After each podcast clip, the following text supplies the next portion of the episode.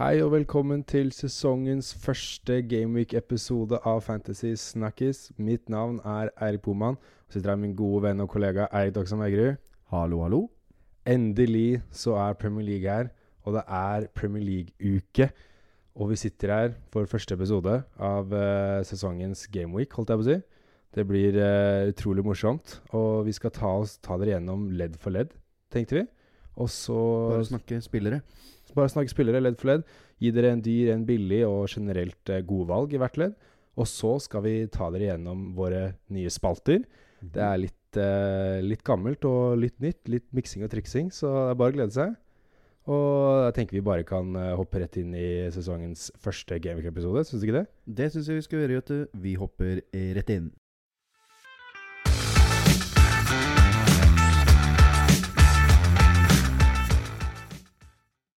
Yes! Da skal vi begynne å snakke om keepere. Vi Det har jo sittet nå i to preseason-episoder og snakket om keepere. Men nå sitter vi jo med nesten den, all informasjonen vi kan. Det er noen pressekonferanser igjen som skal komme før, uh, før Gameweek og før Premier League starter. Men vi sitter her med veldig mye informasjon. Nå må vi snart ta et valg. Ja, nå må vi snart ta et valg. Og ja, vi skal rett og slett begynne å gi dere litt uh, tips om uh, keeperplassen. Hvem Mm. er det som har stått ut for deg, Doxheim, i keeperplassen?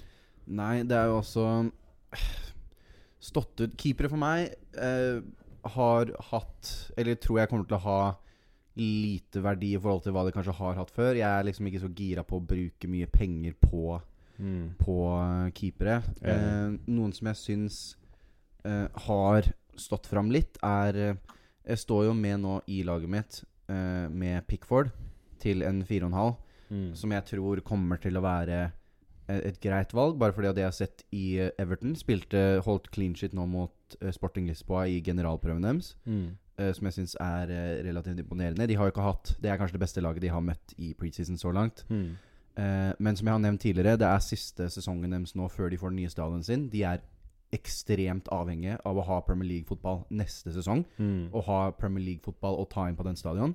Så der tror jeg de kommer til å være eh, ekstra kyniske eh, denne sesongen. Ja. Masse sånn dritt 1-0-kamper, 0-0, bare Ja, ja, ja. ut poeng kommer til å være utrolig seige. Og der tror jeg at uh, til en 4,5 der at Pickford da Han er jo en, en, en grei shotstopper. Mm. Få inn der på et lag som trenger å holde mye nullen. Der tror jeg du kan hente Han holder ikke mest clean shit i Premier League, men der tror jeg du er en av de du kommer til å få mest verdi for i den prisklassen. da Ja, i hvert fall på 4-5-klassen så tenker jeg at det er, eh, det er Pickford som står fram. I hvert fall etter det jeg så i preseason. Så jeg har også blitt ganske overbevist om at det er uh, han jeg vil ha. Det er jo andre folk i 4-5-klassen også som jeg syns er veldig interessante. Det er jo Leno.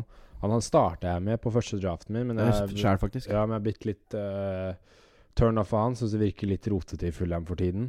Eh, litt mye uro. men jeg tror fortsatt Leno er et godt valg, og, og han kommer til å få mye redninger, eh, som han gjorde i fjor. De kan bli veldig spennende. Altså, de var veldig bra lag i fjor. Mm. De har beholdt sine beste spillere, men kanskje liten asterix på Mitrovic om han blir i klubben, men kanskje ikke vil være i så godt humør og spille og sånt. da Men ellers så har de jo holdt, beholdt Palinja og sånn. De har beholdt eh, eh, den Han var jo desidert beste spilleren i fjor. Nå Mm. har ikke jeg fått med meg helt hva de har henta på overgangsmarkedet. Det er vel bare Rahul Himinez, så vidt jeg er kjent med.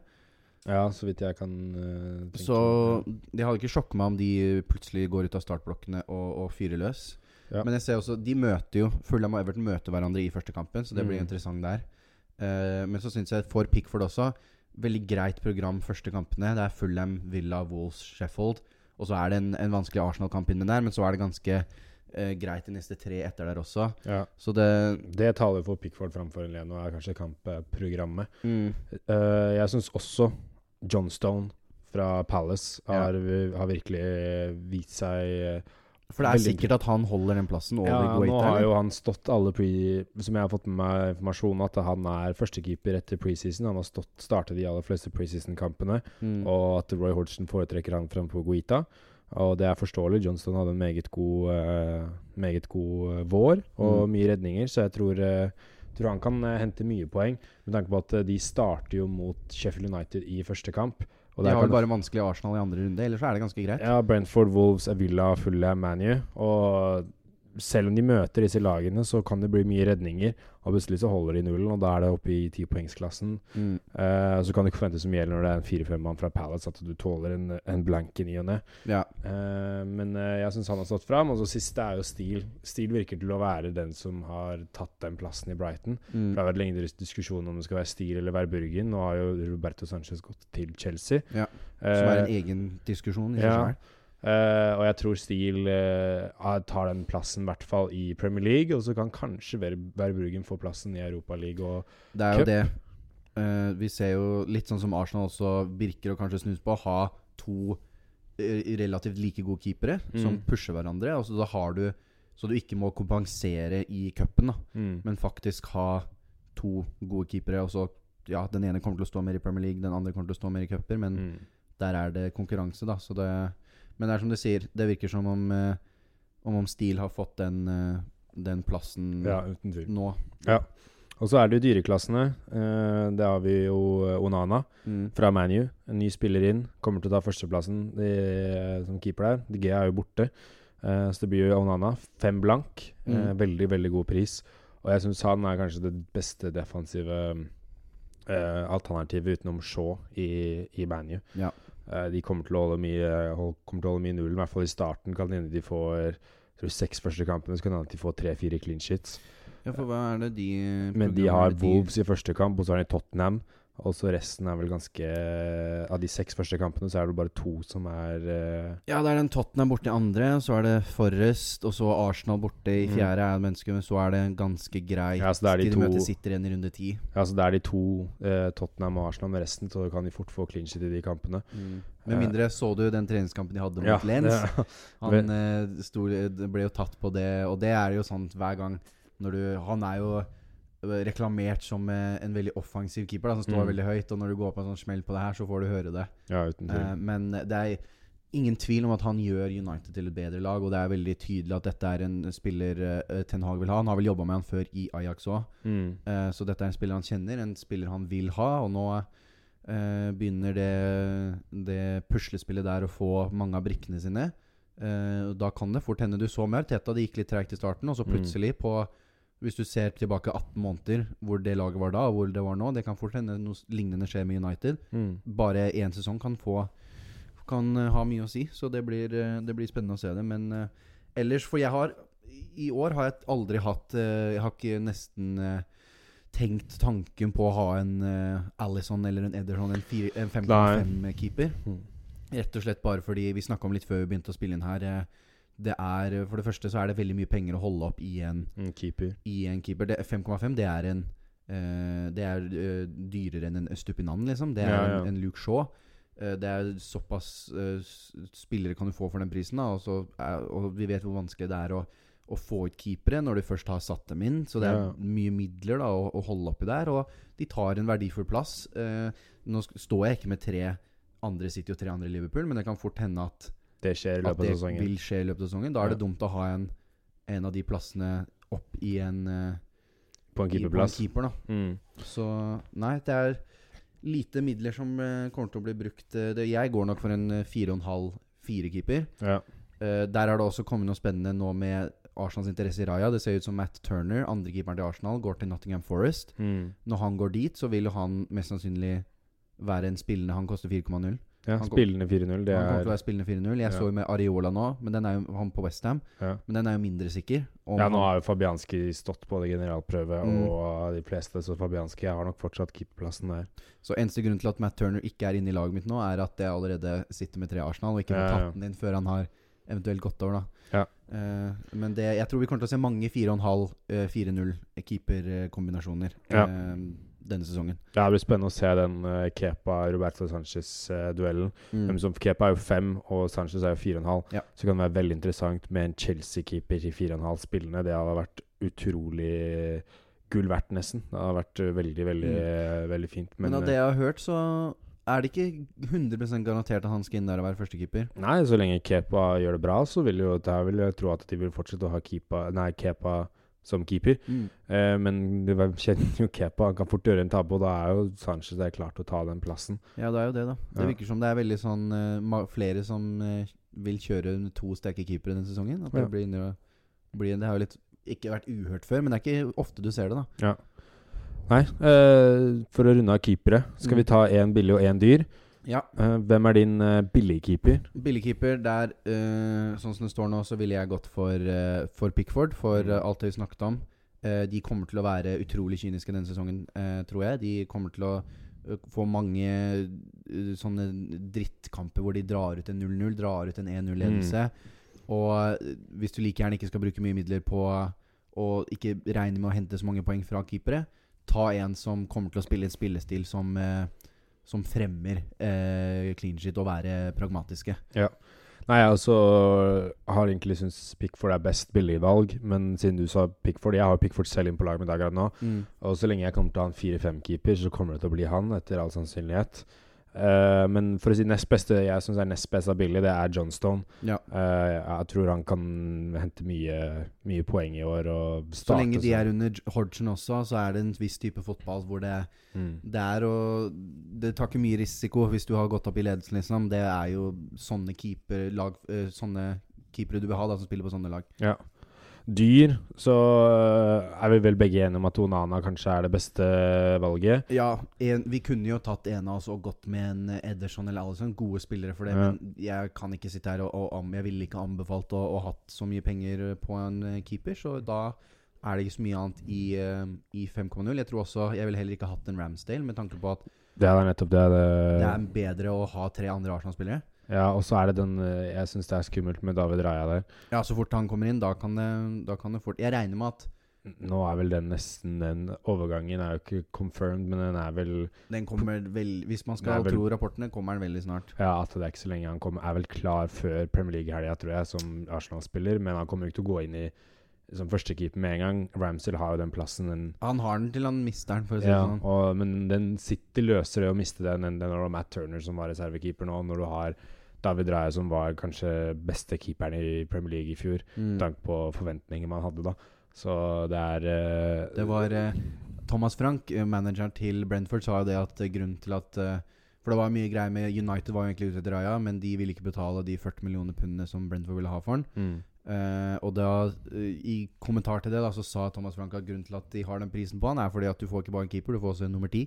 Ja. Så han er jo Han er kanskje Jeg vil ikke si at Ramsday er dårlig med beinet. Jeg syns han har vært veldig god. Han har eh, hatt Han hadde vel to store personlige tabber i fjor, men uh, hvilken keeper har nest, ikke det, Mm. nesten, eh, når du spiller på den måten? Men uh, det, Raja er en veldig god keeper, og veldig god med ball i beina. Så det kan bli utrolig spennende. Men som sagt, en stor grunn til å holde seg unna Ramsdale. I hvert fall i, nå i starten, når det er mer an, flere andre Arsenal-spillere som er mye mer aktuelle å hente. Ja, jeg er helt enig. Ja, det var keepere. Pickford og Onana fra begge oss der, faktisk, på dyr og billig. Mm. Eh, og det er helt fair, det. Så da går vi litt lenger fram i banen, nemlig til forsvar. Mm. Eh, veldig interessant landskap, syns jeg. Eh, den jeg syns har stått som det beste valget, og sagt det hele preseason, og så er Estupinan. Ja. De har tre vanvittig fine kamper. Brighton åpner jo sesongen hjemme mot Luton, og så går de videre til eh, borte mot Wolves, og så hjemme mot Westham. Og så har de da Newcastle og Manu eh, to på rad der, men likevel så kommer det Bournemouth og Villa etter der. Men De tre første lukter jo Det kan jo fort bli tre clean shit og Ja. målpoeng det for Stupinan. Ja, og han har eh, spilt bra preseason. Han har fått med seg målgivende i preseason. Og det er en grunn for at han er den mest eh, eide forsvarsspilleren på Fantasy. Over 50 eid. Og ja. man må bør sitte med Stupinan eh, når sesongen starter eh, til fredag. Eh, Hvis ikke så er det jo uh, de mest interessante prisningene. Her er kanskje plutselig to Chelsea-mennene, uh, Reece James og Chilwell. Eh, der er det jo en stor debatt om man skal, hvem man skal ha av disse to. Eh, For min del så syns jeg Chilwell eh, er mer interessant, for han har blitt dis eh, described som en av de mest offensive i Chelsea-kamper i preseason. Ja. Mange sa at han har vært den mest offensive av alle spillerne på banen. Og han dundrer opp og ned den left, eh, den venstre sida. Og jeg tror han kan få med seg mye målpoeng, selv om kanskje Chelsea slipper inn mål. Så jeg- Problemet med begge de to er jo at de er utrolig skadeutsatte. mm. Og det kommer Du kan nesten garantere en uh, flere måneder lang skade på begge to i løpet av en sesong. da Ja. Men jeg er også enig av det jeg har hørt eh, og fått med meg fram til nå, så er Chilwell den å gå for av de to. For de koster vel begge 5,5. 5,5 begge to, så er altfor lavt prisa, egentlig. Mm. For det tanke på den oppsvingen de to har. Fordelen med Reece James er at han vil jo være på dødballer. Det Chilwell kan vel ta dødballer, han òg, men Reece James har nok en større sjanse for å ta både corner og frispark. Ja. Uh, men eh, ja, jeg syns Chilwell har stått fram der. Og så er det da debatten. Trent eller ikke Trent, hva tenker du? Jeg er på en ikke-Trent. Eh, jeg syns 8,0 rett og slett er for eh, For dyrt, med tanke på at hvor eh, shaky Liverpool har vært bakover i preseason, egentlig. Ja. De ser ikke ut til å Det ser ikke ut Det, det lekker gjennom, rett og slett. Og da mister du Greit han spiller mer offensivt, men jeg syns han er mindre offensiv med tanke på sjanse for målpoeng nå enn som når han var wingback, liksom. Mm. Og til den prisen 8,0, det er dyr. Det er Martinelli-pris, liksom. Mm. Eh, da syns jeg rett og slett Og hvis du da ikke virker som om det skal komme så veldig mange ekstra bonuspoeng gjennom de clean shitsene, da, så syns jeg rett og slett at det blir for høy pris. Da eh, er jeg ikke villig til å betale så Da vil jeg heller ha en Martinelli, da, for å si det sånn. Ja, det kommer litt an på om man skal ha Hvis man har Haaland og Sala også, så er det vanskelig å få inn en Trent inn i det Ja, laget. da er det nesten umulig. eh, og ha et godt lag rundt. Eh, fordelen med Trent, da, eh, for å snakke om oppsvingene hans, er jo at du har en spillende forsvarsspiller som spiller midtbane uh, i, i uh, virkeligheten. Mm. Som gjør at han vil jo få clean sheet-poeng når Liverpool holder clean sheet. Uh, og han har, han har i grunn en større sjanse for å få assist og scoring når han spiller midtbane, men jeg er enig med det resonnementet ditt at han er mer en sekser Mm. enn han er en kantspiller, da, som han til de tider var som back. At han kunne gå helt opp på kanten. Ja, for da var det jo han som Da var han jo oppe der og lå, Ja. la innlegg og sånt. Det gjør han jo ikke nå lenger. Ja, men han får, kan at han får litt mer som han så på slutten av sesongen i fjor. Noen av disse Busquets-assistene. Mm. Eh, bare legger han til rette, og noen skyter, eller at han spiller noen igjennom. eh, som han allerede har sett i, i preseason. Så det er jo argumentet for, for Trent. da At det er, en, det er en spiller som kan dra med seg både 15 poeng og 12 poengere. Han kommer til å få det i løpet av sesongen, det er jeg 100 sikker på. Men en annen ting også er jo med de nysignerende Liverpool har gjort, Saboslay McAllister, som er gode dødballtakere. De kommer til å ta Ofte så har han vært på frispark og vært på corner og sånn. Det Mm. kommer han til å ta mindre av denne sesongen. Han kommer til å fjerne ja, kanskje tre-fire mål, da. Ja. Eller assist fra, fra totalscoren hans. Så- Jeg er enig i det. Og jeg er også uten Trent akkurat nå. Uh, mest fordi jeg har Sala. mm. uh, også fordi det jeg har sett av preseason, er det samme som jeg så i fjor. At de lekker. Eh, det, er, eh, det er van Dijk som ikke er like god som han eh, en gang var. Og så Matip holder jo ikke nivå lenger. Konate for så vidt ser bra ut. Men det er, de slipper inn enkle mål i preseason. Så kan man ikke se, bry seg så mye om eh, preseason. Må ta alt med en klype salt. Men det ser ikke ut som de har forberedt seg noe bedre enn det de var i fjor defensivt. Så da Nei. mister du clean shit. Og så samme Jeg tror Sjoboslai kommer til å ta død, dødballer bort fra, fra, fra Trent. Og da mister du litt den der muligheten til at han scorer på dødballer, slå cornere, skåre score frispark. Eh, så jeg har rett og slett blitt litt sånn Jeg, ikke, jeg tror jeg skal styre unna. Styre det er så utrolig mye. Fordelen hvis du har han, at det er enkelt å bytte han ut hvis du ser det går dårlig. Ja. At det er veldig enkelt å bare gå 8-0 og så gå ned til en Chilwell hvis du ikke har Chilwell. Gå ned til en Gabriel fra Arsenal hvis du ikke du har han. Mm. Uh, Og så sitter du plutselig med tre mil i banken. ja, liksom. ikke sant. Så det er veldig enkelt å bytte han ut istedenfor en uh, Haaland. Uh, og du skal oppgradere noen fra midtbanen, så er det vanskelig å selge. Da må du gjøre to bytter osv. Det er veldig enkelt å bare gå Trent ned til noen av disse andre gode 5-0, 5,5, 6-alternativene som tar oss inn på Arsenal. Der er det jo mange gode 5-0-alternativer. Vi har Gabriel, vi har Saliba, vi har Zinchenko, vi har Timber, og så har du Ben White til 5,5. Mm. Hvem syns du står ut der som den beste Arsenal? For det er mange som kommer seg på Arsenal. De har jo det beste kampprogrammet i, Mm. i ligaen på starten. Nei, nå uh, Sinchenko er jo den som spiller Han spiller jo på en måte samme rolle som Trent gjør i Liverpool. da Han Eh, spilte ikke i Community Shield, veit du ikke i? Community Shield, men han skal Han var tilbake på trening før den kampen. Okay. ok. Eh, det virker som at han er nok tilbake til sesongstart. Mm. Men jeg tror Hvis du ser på dataene og sånn fra i fjor, så var det mer målfarlighet fra spillere som Gabriel. Eh, han var vel en av de mest uh, Hadde en, en av de midtstopperne som hadde høyest um, X, uh, XG. Mm. Uh, expected goals. Um, så jeg syns jo han er veldig spennende. Men jeg tror også Akkurat nå sitter jeg med Saliba i laget mitt, bare fordi at ha, Jeg tror han og Gabriel kommer til å være veldig like med tanke på målfarlighet. Saliba Mm. var skada en stor del forrige sesong. Det var jo, som Arsenal-fan, kanskje grunnen til at vi mista det ligatrofeet. Forbanna kampen mot eh, Sporting. Men uansett, jeg tror at uh, han har en 10% mindre eierandel enn Gabriel, men jeg tror de er like nok til at der ville jeg nesten gått for Saliba. Jeg tror ikke Ja, uh, Gabriel hadde høyere XG-tall i fjor, men uh, når du ser dem spille, og, og Saliba er så Det er nok begge de to som starter, men Saliba har en sånn ro ved seg. Jeg tror kanskje han er litt mer spesialisert og kommer til å spille over Gabriel, da, hvis han måtte kjørt de to. Og Ja. hvis det er en som skal hvile først, så blir det kanskje Gabriel ovenfor Saliba.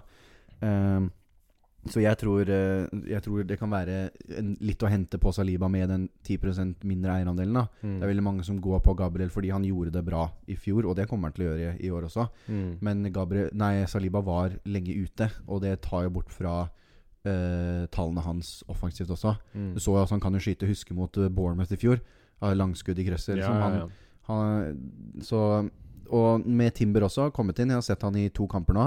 Han var ekstremt god mot, uh, mot City i Community Shield. De slapp jo inn med en gang han ble bytta ut for Tierney. Mm. Uh, og Timber, der er det jo litt Ja, det var jo også Palmer som gikk fra venstresida til Arsenal, og så curla han inn. Ja, Mm. Det var jo uh, Tierney sklei eh, når han Mm. skulle oppe, men jeg, der satt jeg og tenkte når jeg så den. Timber hadde vært oppe der og blokka han.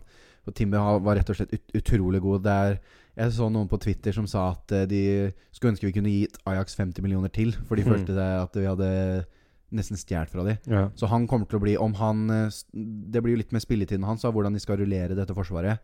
Eh, men Timber også, hvis han viser seg å, å bli en starter og sånn, tror jeg det kan være utrolig mye verdi der også. Plutselig så er han oppe og spiller nesten wingback, og så er han oppi der. Ja. Og, og, og, og han, kan, han kan spille nesten som en tier, da. Nesten, han er Ja. god med ball i beina. Det er, så det kan bli utrolig spennende. Og siden han koster samme prisen. Uh, Timber tror jeg kan være en å, å følge med på også. Um, ellers så syns jeg Ben White er ville jeg holdt meg unna bare fordi at jeg tror ikke det er nok forskjell til at han er verdt 0,5 mer. Ja. Uh, men det er utrolig mye spennende i Hvis de klarer å holde De var jo i starten av forrige sesong veldig solide bakover.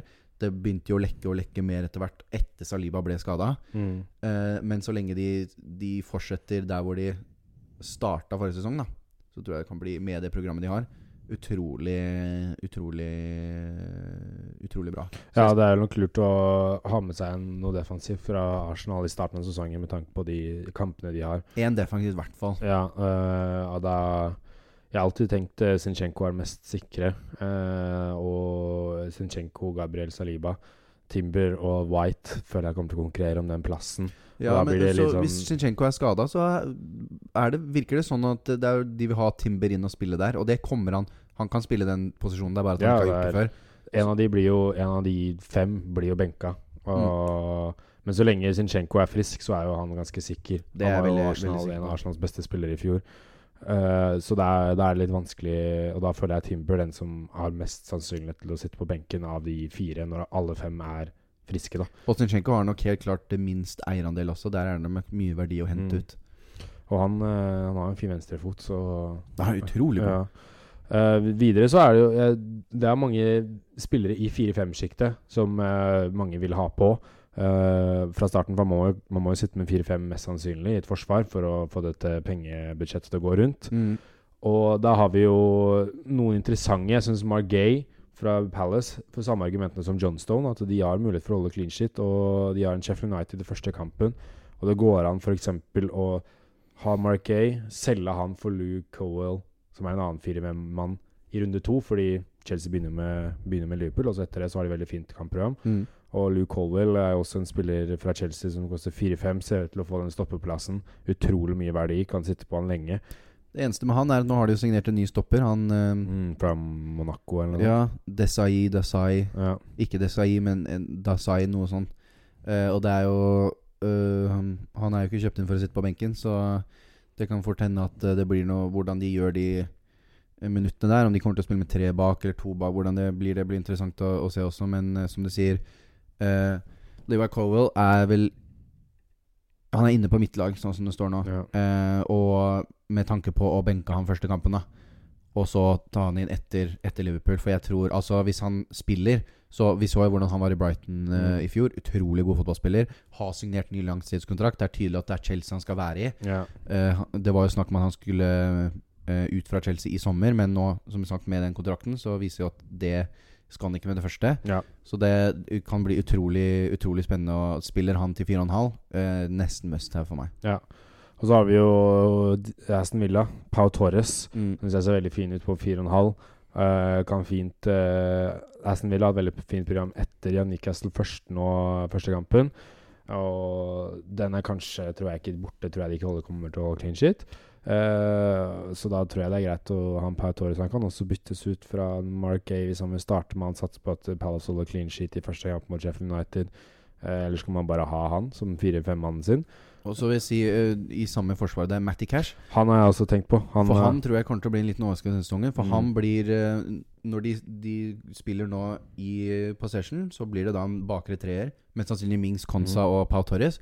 Og da blir Matty Cash Han blir flytta opp. Litt det samme sånn som uh, Pedro Porro vil bli i Tottenham, mest sannsynlig. mm. Uh, og da blir jo han uh, plutselig veldig interessant, for han koster også bare 4,5. Han er på laget mitt faktisk nå. Mm. Han er bare eid av 5,4% Han har Newcastle som sagt borte første kamp, så jeg har han på benken min nå. Ja, til den prisen så kan du, sånn som med meg med Cowell, da. Du har råd til å Benke spille tre bak, så kan du benke han første kampen. Ja, og så har de jo Everton hjemme, eh, Burnley borte, Liverpool borte og Palace hjemme.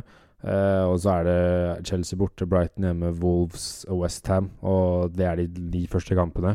Så jeg tror det er mye eh, La oss si de får clean shit én, to, tre, kanskje fire på de første åtte kampene. Eh, og der kan også være målpoeng i kamper de slipper inn også fra Matter Cash pga. den nye rollen sin. Uh, og da tror jeg det er veldig mye verdi å hente i en fire-fem mann. Så jeg er veldig veldig gira på å fortsette å beholde Matty Cash på laget mitt. Mm. Jeg syns han ser veldig interessant ut. Eh, siste fire-fem mannen jeg syns er fin å nevne, er Sven Botman i et Ja. Newcastle-forsvar. Men det liksom vi har snakket om i preseason-episodene, at eh, jeg syns Newcastle ser mer interessant ut fra Gameweek 8-7. Når eh, folk er på wildcard, er gjerne rundt den tiden der. Og de har veldig tøffe kamper i starten, Newcastle.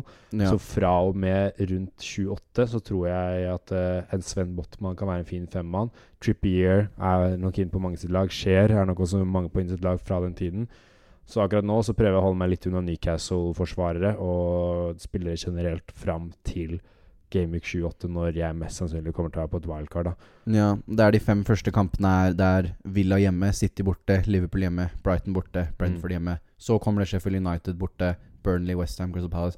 Da begynner det å se litt greiere ut, men i Mm. starten så ser det ganske tøft ut. Ja.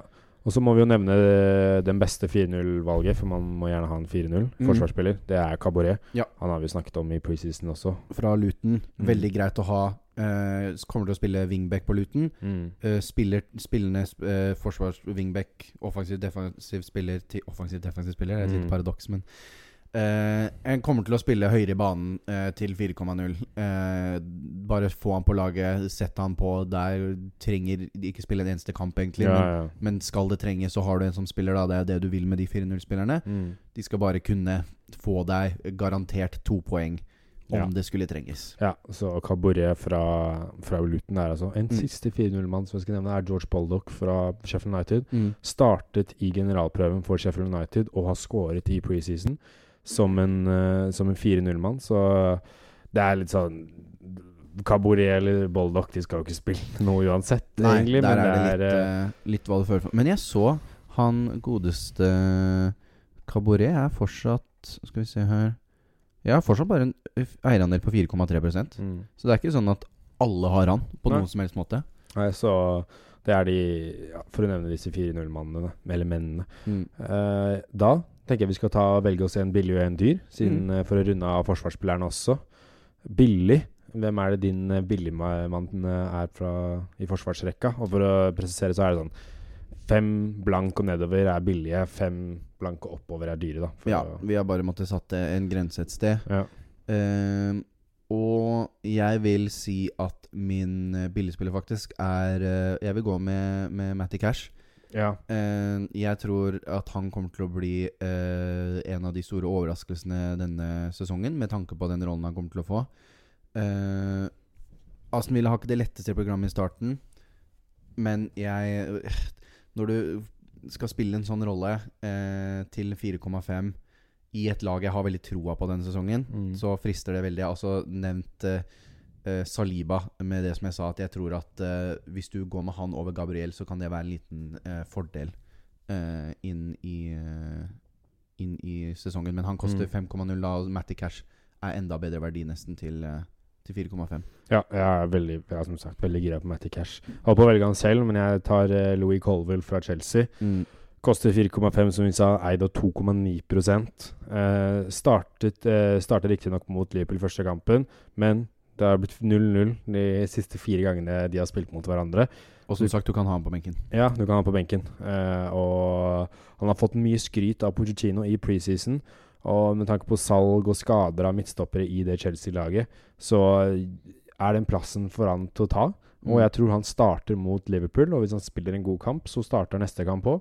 Og, og selv om de har fått en nyspill nysigneringen, så lenge de har jo ikke noe Europa, så de kan jo bare gønne på med samme Det er, det er det man vil.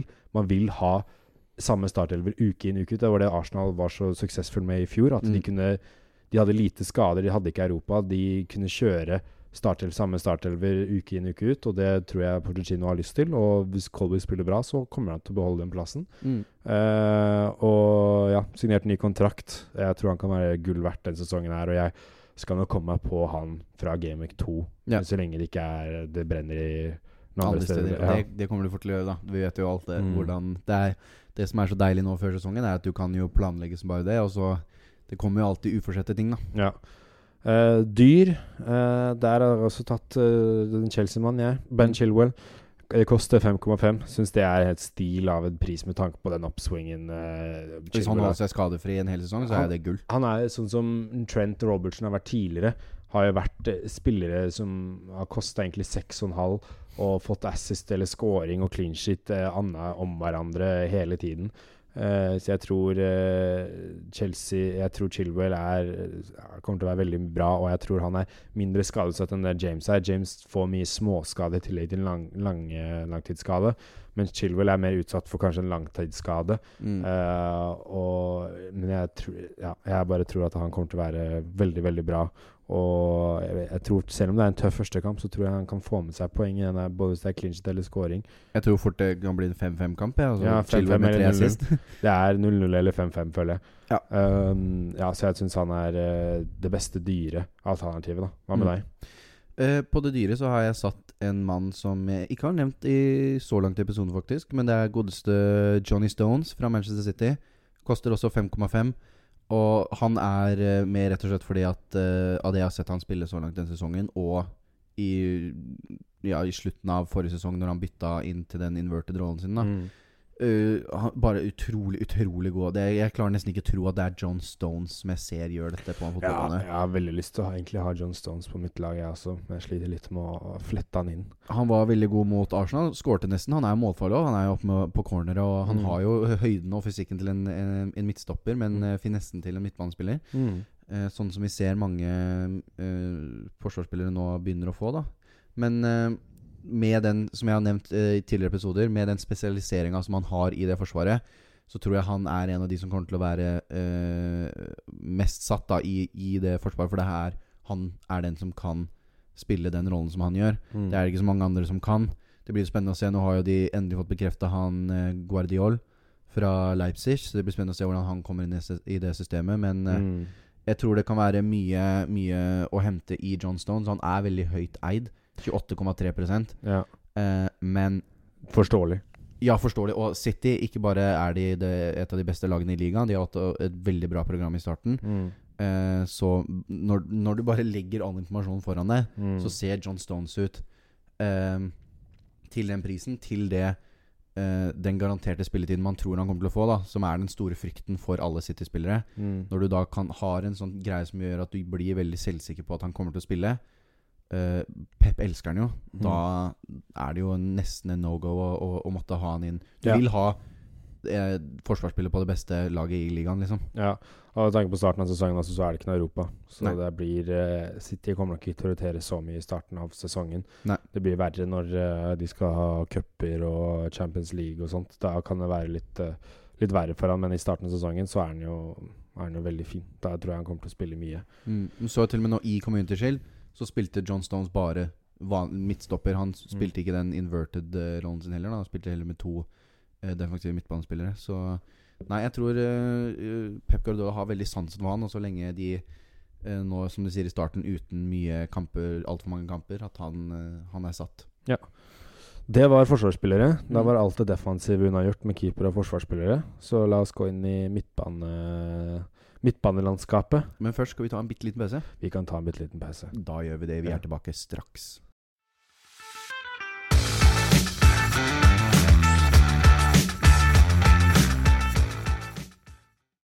Og da er vi tilbake igjen, vet du. Og nå skal vi snakke om eh, de kanskje mest interessante spillerne i spillet. Midtbanespillerne. Mm. Det er jo her det er eh, kanskje mest å hente. Det er der flest valg. Flest interessante valg.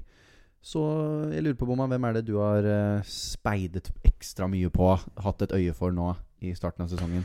Eh, Det er jo veldig mange som skal spille 3-5-2, som betyr at eh, man skal ha fem midtbanespillere. Da snakker vi fantasy-spillere, ikke lag generelt. Ja, og um, da er det jo Man må ha noe billige. Så jeg er blitt veldig interessert i den 6,5-markedet, da. Mm. For da sitter vi med Diaby fra Aston Villa, man sitter med Ebreche Esse fra Crystal Palace, og så sitter man med Mbuemo fra Brentford. Eh, og så til og med under der har du en Siso, og du har Mitoma fra Brighton, Lusali March fra Brighton, Pascal Gross fra Brighton. Det er Så det er mye ve- greier. Altså, det er veldig interessant, eh, interessant marked. Jeg lurer på, Hvor mange 6,5 sitter du med i laget ditt akkurat nå? akkurat nå så tror jeg faktisk jeg bare sitter med én. Uh, jeg gjør det. Jeg Mhm. sitter bare med én uh, Akkurat nå så har jeg en 3-4-3-formasjon. Jeg sitter også med en 3-4-3, men jeg har to, eh, to 6,5 på laget mitt, faktisk. Ja. eh, jeg har Ebreche Esse. Jeg syns han har stått fram i preseason og virker som han er på en skikkelig fin eh, flytsone. da Mm. Etter hvordan han avsluttet sesongen i fjor under Roy Hodgson, ble tatt inn på landslaget. Eh, jeg, jeg føler han er i en skikkelig flytsone og kjempebra preseason. Han kommer til å fortsette i år, og jeg tror han kommer til å ha en kjempesesong og være en av de bedre spillerne i Premier League, for å være helt ærlig. Eh, så jeg, jeg har veldig veldig tro på Ebreche Esse. Eh, så har du Mboemo fra Brentford. Skal visstnok være erstatningen til uh, Tony. Han Han gikk vel av med skade eller noe sånt? Ja, de jeg- jeg leste Tony Thomas Frank sa at det var bare Carson. Det Ja, var ikke noe farlig. Han er fin til helga. Det var bare for å ikke anstrenge han noe mer. Og han er på straffer når Tony er borte. Han har spilt bra når Tony har vært borte tidligere. Eh, og mm, ja, jeg, han kommer til å spille spiss med Vissa hvis de spiller en 4-4-2. mm. Og hvis det er en uh, 3-5-2, så spiller han også spiss. Hvis det er en 3 Hva er det 3-4 Nei, 3-3 Nei, 4-3-3. ja, Hvis de har tre på toppen, så spiller han wing. Wing. Men likevel, han har wing eller spiss som en 6,5 midtbanespiller. Jeg tror uh, Og er på straffer. ja, ja, han har en kjempeoppsving. Det eneste som har gjort meg litt at jeg ikke har han, er pga. at Brentford har sett dårlig ut i preseason. Og jeg veit ikke hvor bra de kommer til å være uten Tony. De har, nå, har gjort det greit uten Tony tidligere. Mbuemo spesielt har spilt bra uten Tony. Uh, men jeg, jeg vet ikke, jeg er ikke helt overbevist av Brentford ennå. Jeg må se Nei, så er det Spurs hjemme første kampen. ja, det er også, også um, en grunn for at jeg ikke vil ha han. Så jeg sitter litt unna Mbuemo akkurat nå. Mm. Uh, Ha- Hadde du han i laget ditt nå? Nei, jeg hadde, jeg hadde Esse. Uh, istedenfor. Uh, det er de andre, Brighton, Mitoma March. Hvem syns du er best av de to? De er jo begge 6,5 begge to. Det er det som er det store spørsmålet. Um, egentlig så Jeg har Mitoma inne på laget mitt nå. Mm. Fordi at jeg føler med det programmet som Brighton har, så kunne jeg ikke bare stått med Jeg føler at det er dumt å ikke gå med en offensiv Brighton eh, med tanke på det. Uh, så grunnen til at jeg står med Mitoma nå, er egentlig bare fordi at jeg liker han bedre enn enn Marsh. Mm. Jeg tror med tanke på spilletid og sånn, så tror jeg de begge kommer til å starte sesongen, i hvert fall. Eh, Mm. Altså de, de er de som har vært der nå. Det er de som har bevist at de kan. Eh, og Mitoma har jo en mye større eierandel enn enn Solomon Marsen. Og han er jo eid av 37,6% som er utrolig mye. Ja, det er veldig mye. Og godeste Skal jeg ta opp uh, Mars her, har en eierandel på bare 2,8% Oi, ja, det er veldig Så det er jo Oi, ekstrem det forskjell. Det er litt sånn nesten sånn har, så det er nesten sånn at jeg har lyst til å ta en, en, en liten punt på, på Mars der. Det er bare at Mitoma er så morsom fotballspiller. Ja. Uh, og jeg har veldig sansen for han, men uh, jeg kommer til å stå med én av de to når vi Mm. starter sesongen. Det er jeg ganske sikker på. Hvem av de det blir. Med når det var litt større forskjell på Jeg visste det var forskjell i egendelene. Det var litt større enn det jeg var eh, Ja. klar over, faktisk. Du er nesten litt sånn tatt på senga det. Ja, så da, Nå fikk jeg veldig lyst til å bare bytte Mars rett inn. For jeg tror, med tanke på når du ser på tallene og sånn, så tror jeg Mars hadde eh, bedre, Underliggende tall. bedre underliggende tall. Mm. Eh, Men dårligere produksjon. Det var det som det var greia, uh, greia til March i fjor. At han hadde Han ble veldig underbetalt med tanke på XG og alt det der. mm. Uh, og han er vel egentlig den Nå, nå er det så mye offensivt fra Brighton. Skal Ja. vi se om vi klarer å huske alle. Det er Enciso. Det er uh, Solly March. Det er Metoma. Det er Ad Adingra. Uh, og så har de fått får de mest sannsynlig inn Jonathan Kudos fra Ajax nå. Ja. Og så har du Lalana. Og så har du Pascal Gross. Og så har du da spissene har du Ferguson, Joa Pedro. Joa Pedro kan spille også wing og offensiv midtbane. Og ser ut til å være på straffer. Ja, og ser ut til å være straffer. Og så har du da Danny Welbeck. Og det tror jeg er Ondav. Ble solgt nå til eller lånt ut til Stuttgart. Og Eh. han eh, Ja, stemmer, men det er også han eh, med italienske navnet. Bo- Og, ja, og Buanotte. Ja. Eh, og Buanotte, han argentineren, er også inni der. Det er utrolig mye offensive spillere fra Brighton. Så blir det nesten litt sånn der uh, Oi, oi, oi, her tror jeg det er mye konkurranse og tøft å velge. Men jeg er helt enig i at man bør ha en offensiv fra Brighton inn i starten av programmet. Og med Toma March på midtbanen i hvert fall er de to mest sikra Ja. spillestid. Jeg tror ikke sånn som en Kudos som kommer inn nå, som er en god spiller, kommer ikke til å ta den plassen Jeg vet ikke om han kan helt tatt rekker å bli confirmed før helga. Det tror jeg kanskje ikke. Vi får se, men han er jo uh, mer eller mindre en here we go, har jeg skjønt fra, fra Ja. Uh, og så tror jeg heller ikke noen av disse Adingra, Buonotte, Enciso Jeg har jo sagt hele tiden at jeg har lyst til å ha en Enciso, men det virker ikke som han Spilletiden hans er bare for risikabel, egentlig. Ja, og uh, generalprøven også, så satte han på benken. Mm. Men han har en 5,5 pris, så fort han hvis han fort begynner å spille fast, så kan jeg komme meg på han. Men uh, Brighton har jo også en Europaliga, så jeg tror det offensive her blir veldig mye rotasjoner i sesongen. Ja. Men uh, ja, March og Mitoma er, uh, det er de to, to beste, safeste valgene på midtbanen, i hvert fall. Mm. Uh, av de dyre, hvem er det av midtbanespillere som er, Hvem er det som har stått fram hos deg som de beste? Nei, der er det jo uh, sikkert litt uh, bias, for jeg ser eh, mest Arsenal. Men uh, Martinelli, Saka eh, Martinelli har sett veldig pigg ut. Eh, Saka litt mer i skyggen uh, i Community Shield. Det er det jeg har sett av han nå. Men han tror jeg også er veldig underprist av 8,5. Vi vet alle hvor god spiller han er. Han kommer til å være bang for buck, uh, som det heter, uh, til den prisen. Og Martinelli også. Utrolig pigg og utrolig god. Uh, så i det sjiktet sånn 8-8,5 Til og med Martin Ødegaard, som nesten ingen snakker om, Mm. tror jeg også kommer til å være ekstremt god denne sesongen. Eh, så veldig pigg ut mot eh, De spilte Nå skal vi ikke ta eh, City var jo ikke veldig gode i Community Shield i fjor heller. Uh, Mm. Tapte den, og så gikk de til å bare cruise ligaen etter hvert. Men det Arsenal-laget så veldig spennende ut, og da er det det offensive der som er til og med en Uh, med Jesus skada nå. En Havert spilte target man, nesten, Mm. Uh, og kunne fått tatt med seg mål. Uh, han, hvis han skal spille spiss, eh, plutselig kjempeinteressant. Trossard kan spille der. Utrolig mye uh, offensivt i Arsenal som er spennende. Men det er jo de i den dyre klassen og de som er mest sikre, Saka og Martinelli, Mm. uh, er de som er på laget mitt nå, som jeg har sett på. Bruno Fernandes også tror jeg kommer til å være Bruno veldig Fernandes god. jeg, jeg har veldig lyst til å ha han. Jeg har han på laget mitt, jeg også. Jeg synes, eh, med tanke på at nå har det kommet nye regler. Det skal være mye mer overtid. Mm. Og det kommer til å ha mye å si for Fantasy. For det er noen spillere som har en tendensi til å bli bytta ut tidligere, Mm. og da vil miste ut på mange minutter når vi plutselig får tolv tilleggsminutter. Ja, det er, det er ti da- ekstra minutter det, Ja. det vi har hatt før, på å få, få mål og sånn. Ja, så jeg har sett Brent Crellin har jo kommet ut med statistikk på hvem som blir bytta ut tidligere, og som spiller mye. Og Bruno Fernandes er en mann som spiller fulle kamper, Ja. og han kommer til å i teorien da få med seg La oss si det blir ti minutter i hver omgang ekstra, da, altså 20 minutter med spilletid Mm. kommer han til å få med seg. Og det tror jeg kommer til å ha mye å si. Det er en del mål og assist som kommer av det, altså. Ja, og i hvert fall på slutten av kamper når folk er slitne og, og, i hodet Mm. og i kropp. Så jeg tror det har mye å si, og derfor så tror jeg Bjørn Fernandes kan være veldig, veldig veldig gull verdt. Altså. Og det tror jeg kommer til å Vi kommer til å se en eh, påvirkning av det med Det som er litt synd, er at det med mye ekstra tilleggstid Det er bra for eh, å få bort eh, sånn eh, time wasting, men Mm. det kommer til å gi en stor fordel til de største klubbene som har Mm, bredeste eh, staller, som kan, sånn som en City, da, Mm. og som kan bytte inn på verdensklassespillere i 70. minutt, og ha de Mm. spille de ut der. Og dessverre for Det blir jo halvtime spilletid for noen som kommer inn i 70 minutter istedenfor 20 minutter, ikke sant? Mm. Og det kommer til å være veldig interessant for fantasy, da, for da kan jo fort være mye verdi av de som kommer på sånn. da Ja. Si en Trossard nå, som kanskje er en av de som blir, er de første som blir bytta inn, men plutselig var han kanskje 40 minutter nesten. Ja. 30.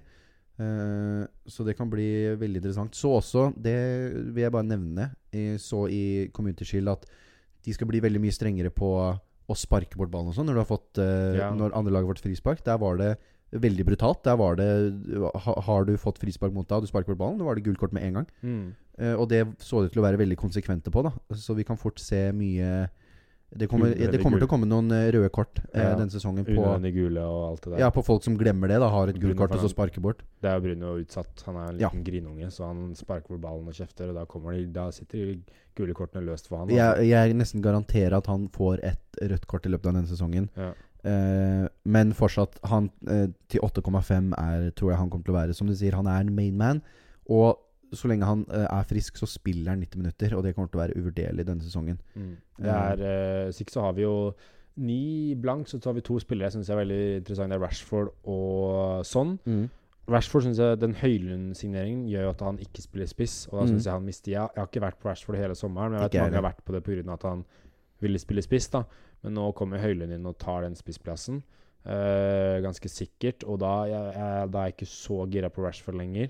Eh, men han er bare 0,5 dyrere enn Bruno Fernandes, og vi Mm. så jo i fjor hvor god Rashford var. Ja, ja, ja. Så jeg, han er et godt valg. Eh, jeg velger å styre unna eh, av den grunnen at jeg tror han blir wing. Og ja, jeg syns ni er mye. Så ikke så har du Hong Min Son i Tottenham.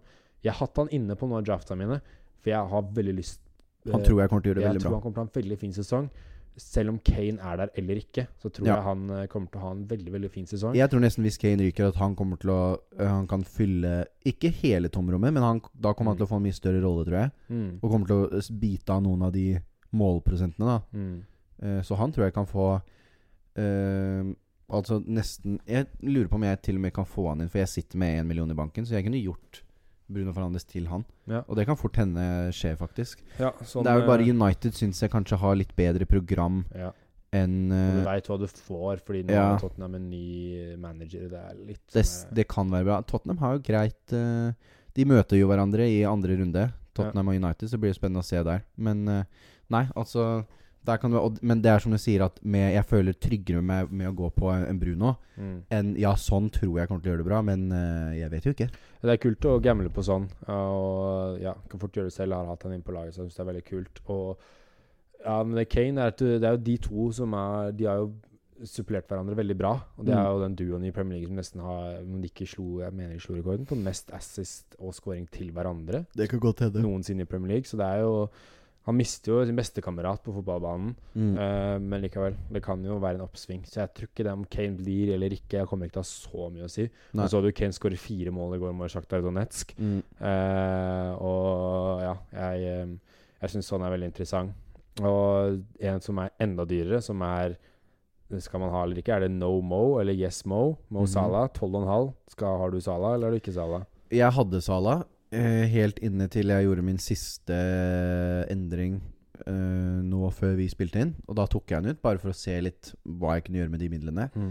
Og når jeg så hva slags lag jeg kunne sette opp, og hvor mange kule spillere jeg kunne ha når jeg tok den ut, så er den ikke der nå. Og jeg tror kanskje jeg kommer til å gå uten han. Mm. Uh, men det Det er ikke på noe Det er ikke fordi at jeg tror at han ikke kommer til å gjøre det bra, eller noe sånt. Det jo nesten bare fordi at det er så mye annet gøy. Når, du, når jeg hadde han inne da med en Når jeg hadde Bruno, liksom Bruno Saka, Haaland, Sala så må du kjøre ganske Da blir det veldig template på de andre spillerne. Mm. Det blir litt kjedelig. Eh, så eh, jeg syns eh, det er ikke noe skam i å ha han eller noe. Jeg tror det er veldig bra. Det er folk som snakker om ja, han kommer til å bli mer eh, tilrettelegge. Jeg tror ikke han kommer til å skåre like mye mål i det systemet de spiller nå, men herregud, han er jo fortsatt den spilleren han er. Eh, og vi vet Ja. alle hva han kan få til, men det er før hver eneste sesong så har folk vært sånn Jeg tror ikke Salah har, har nivået inne lenger. Jeg tror ikke han kommer til å like bra i år som han gjorde tidligere. Så har han prestert på slutten av sesongen. Det har vært tidligere i sesongen der han var dårlig, men på slutten av hver eneste sesong så har han sittet der med nesten mest poeng av alle spillere i Premier League. Mm. Så det er sånn uh, han, er et, han er et veldig godt og fint valg, men det er enig. Du får ha veldig kule lag uten Salah, for det er mye Mm. penger. Alle skal jo ha Haaland, og da er det vanskelig å få inn Sala pluss da kanskje Saka, Bruno Fernandes, og så, så hvis du har Trent bak der også, så er det basically umulig.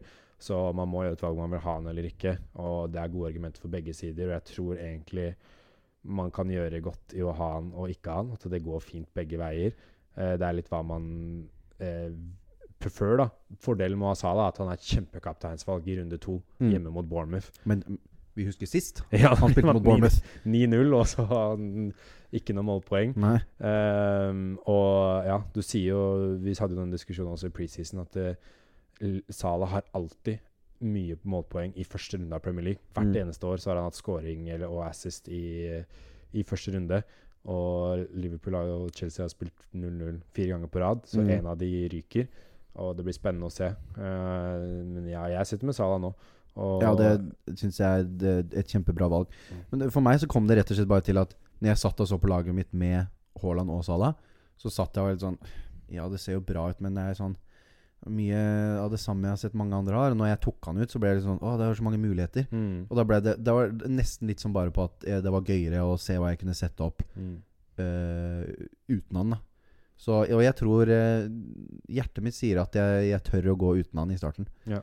Eh, for selv om Hvis det blir som i fjor, da så kommer han ikke til å gjøre det så veldig bra i starten. Så kan han heller hente han inn etterpå når han, når han gjør det bra. Ja. Men det blir eh, utrolig Utrolig spennende. Det er jo som sagt Å gå uten han er jo alltid veldig, veldig skummelt. I hvert fall, uh, i hvert fall nå er han eid av 20, 20 Mm. uh, Så det kan, det kan slå gærent ut.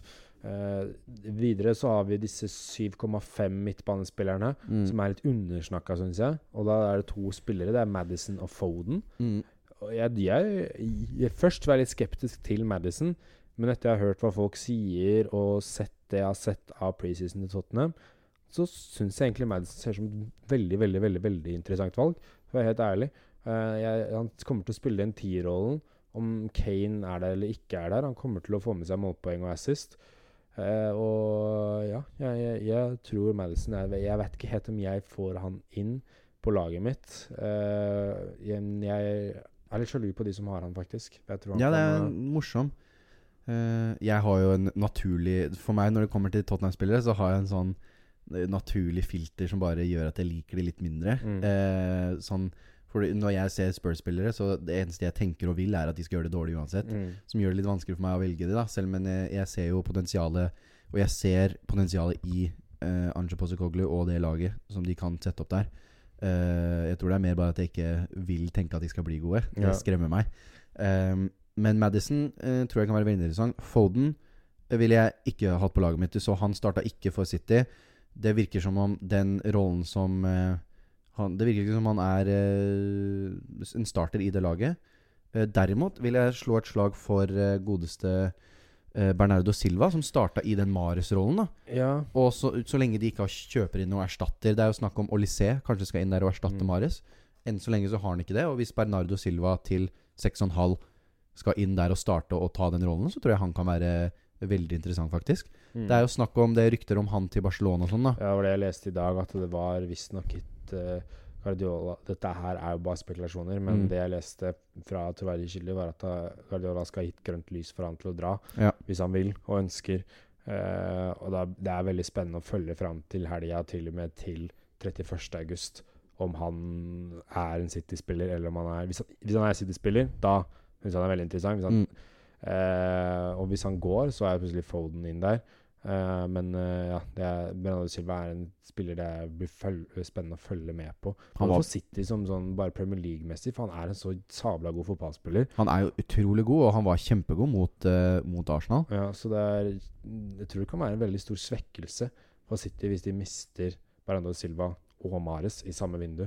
Mm. Uh, og får se hvem hvis de selger han Hvis de sender Bernardo Silva også, så må de hente inn noen erstatter der. Eh, om ikke Det har jeg sett Det går jo i norske sirkler om eh, Oscar Bob kan gå inn og fylle den, eh, de skoene. Jeg tror ikke det ennå. Det er men, eh, norsk mediepropaganda. Ja, men han er jo utrolig. Jeg så jo han i U21-EM ja. når Norge spilte der, og han er jo Han kommer til å bli god. Mm. Men det er det om han eh, Kanskje han trenger et utlån først, for å få spille Ja, det er vel Cole Palmer er vel nærmere den rollen enn Oscar. Ja, så det. Han skårte jo. Han, det var han som kom inn. Det er han som Ja. skårte i Community Shield. Eh, men han også ga i intervjuet etterpå ga hint om at han kanskje ikke er i City når overgangsvinduet stenger. Så Mm. det er veldig interessant, uh, interessant der. Jeg vil bare notere at uh, Bernardo Silva var veldig god og spilte Mm. Starta og spilte i den Mares-rollen Mm. uh, i Community Shield. Så det, det kan bli spennende. Men som sagt, Foden ville jeg holdt med når han virker ikke som han kommer til å starte. Ja. Det er uh, fint å få det, få det ut. Mm. Eh, det er ikke så Er det noe mer midtbanespill du vil nevne før vi tar uh, runder av med en billig og dyr en hver? Nei, eh, jeg syns vi kan gå rett på. Det er bare Jeg vil si jeg har jo han eh, Diaby fra Aston Villa i laget mitt nå. Eh, han er en av de 6,5-erne. nå Det er Litt mer av de eh, billige, samme som Brighton-gutta og sånn. Mm. Eh, han har jeg snakka om i tidligere episode. Han tror jeg kan bli, bli spennende, men ellers så er det som jeg sa, det er mye å velge mellom i midtbanen. Det er nok Mm. der det kommer til å variere mest. Det er der du kommer til å ta igjen, eller miste, da, i, Mm. av uh, ranking.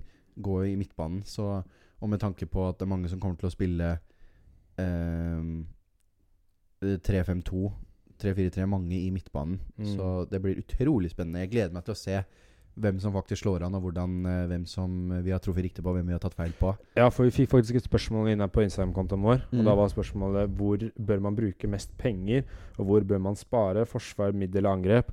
Og tenker for å svare på hvem man bruker mest penger, så er det midtbane. Ja. Der er det beste alternativene. Der er det Du skal kanskje ha en Sala, du skal ha Bruno og Saka.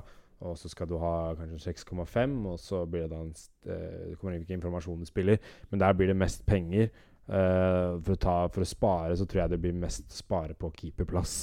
Ja. Uh, Jeg ville rangert det fra hvor du skal bruke mest penger, til minst penger. Midtbane, angrep, forsvar, keeper. Fordi Haaland drar opp den prisen på angrep. Det blir Det er- en sånn ja. der, der Du må bruke de 14 millionene nesten på Ja. han, uh, med mindre du er crazy i hodet, liksom. ja. Strålende. Da skal vi ta en dyr og en billig hver, da. Ja, De utvalgte. ja, Vil du ta din utvalgte billigmann? Eh, nevnte han nå helt på slutten. Det er Moussa Diaby, 6,5. Jeg har veldig troa på Villa og Emry uh, denne sesongen. Uh, og Diaby har sett spennende ut i preseason. Det er tydelig dette er en mann som Emry vil ha Mm. og, og har troa på. Og har han troa på han, så er det nok til at jeg har troa på han. Mm. Eh, så jeg tror det han kombinerer med cash ut på høyre der, tror jeg kan bli utrolig spennende.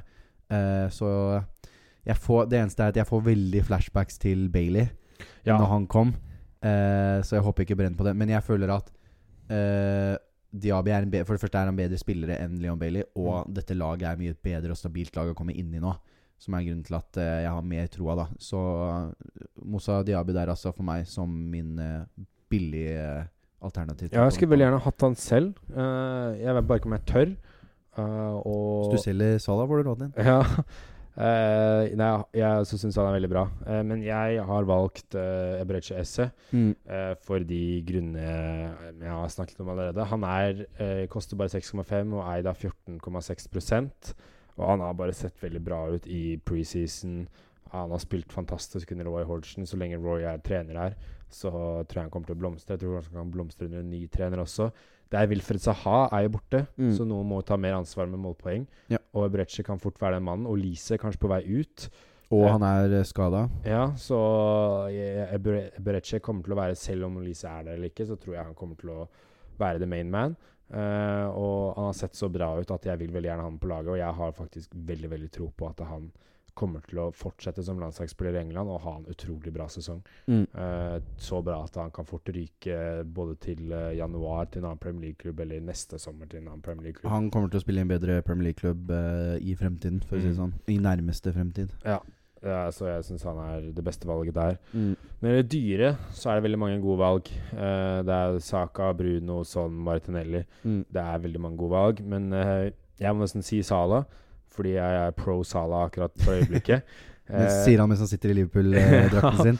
han har vist Som jeg sa, han har vist hver sesong at han leverer varene, selv om hver eneste sesong så er folk skeptiske og skriver i media at han kommer ikke til å være så bra. Og, og det er hver bidige sesong så er det skeptikere til han, men han leverer varene hver sesong.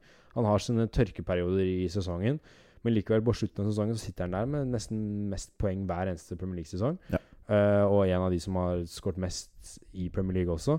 Uh, Riktignok uh, kommer han ikke til å dra like mye av lasset i år som han gjorde i fjor. da Spesifikt i fjor, for da var han eneste som egentlig holdt seg skadefri i fjor. Ja. Uh, men jeg tror ikke det kommer til å gjøre at produksjonen blir noe dårligere. Kan at han får mer overskudd av den grunn.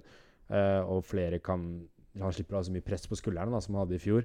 Uh, og han kan være tilrettelegger, og han kan til og med være som Jeg i at han kommer til å score litt mindre, men det kan passe han bra å være tilrettelegger også. Uh, så jeg, jeg har tro på at han kommer til å leve opp til den prisen. Og med tanke på at han er lite eid også, så tror jeg han kan, uh, kan være nesten, nesten en joker for mange som er noe Lite eid på 20% Ja, Uh, han pleier, å være, pleier vanligvis å være i hvert fall over 40, ikke sant? Ja, ja, ja. Og kaptein runde to mot Bournemouth hjemme, den er kjip å sitte der på runde to, og så har du ikke han, og så eh, håper jeg, tisser du litt i buksa Ja. eh, før runden. Og det er vanskelig å få han inn. Det er nettopp det, da. Eh, så det er lettere å få han ut hvis han gjør det dårlig, enn å få han inn. Så da blir det for meg eh, å si at uh, Sala er det beste dyrevalget. Uh, hvem er det du har ditt som ditt beste dyrevalg?